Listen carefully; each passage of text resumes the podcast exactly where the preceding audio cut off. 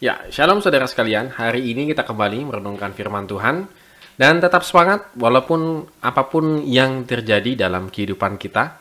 Di saat-saat pandemi seperti ini, mungkin kita mengalami kebosanan, mungkin kita mengalami kesulitan dan lain sebagainya, tetapi marilah kita tetap bersuka cita dan berpengharapan di dalam Tuhan. Dan renungan kita pada hari ini diambil dari 2 Raja-Raja pasal 2 ayat 1 sampai dengan yang ke-18. Ya, saudara tetap semangat ya untuk membaca dan merenungkan firman Tuhan. Nah, cerita kali ini adalah bagaimana Elia diangkat oleh Tuhan. Jadi dia tidak mati seperti manusia pada umumnya dan Elia adalah salah satunya. Yang sebelumnya adalah Henok begitu ya dan kedua ini adalah Elia yang langsung diangkat oleh Tuhan. Tetapi dalam proses pengangkatan ini ternyata ada satu dialog kalau tadi kita perhatikan baik-baik antara Elia dengan Elisa. Bahkan Elisa sepertinya tidak tidak ini ya, tidak rela kalau gurunya ini langsung pergi. Karena dia tahu dia akan menggantikan Elia, maka dia seperti minta sebuah otoritas begitu. Atau sebuah keyakinan bahwa dia akan bisa menggantikan sama seperti Elia. Dan yang terjadi adalah Elia sebenarnya tidak, kalau kita perhatikan ya, tidak bisa menjanjikan apa pun. Maka di ayat yang ke-9, dia bertanya kepada Elisa, mintalah apa yang hendak kulakukan kepadamu sebelum aku terangkat daripadamu. Maka Elisa mengatakan, biarlah kiranya aku mendapat dua bagian dari rohmu. Artinya, mendapatkan otoritas, kekuasaan, atau seperti engkau lah Elia, kira-kira demikian. Tetapi Elia mengatakan yang kau minta itu adalah sukar, tetapi jika engkau dapat melihat aku terangkat daripadamu, akan terjadilah kepadamu seperti yang demikian.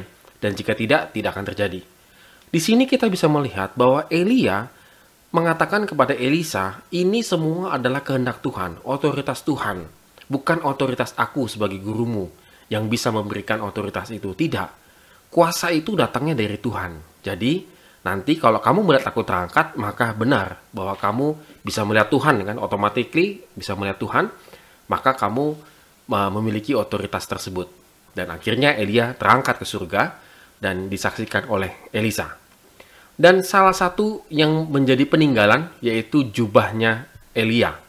Dan jubahnya Elia ini menjadi sebuah simbol otoritasnya bahwa memang benar Elisa lah yang menggantikan dia. Dan Elisa mendapatkan kekuasaan dan otoritas itu sepenuhnya dari Tuhan. Nah, di sini good readers kalau kita boleh renungkan dalam kehidupan kita, maka sebenarnya otoritas Tuhan lah yang seharusnya terjadi dalam kehidupan kita.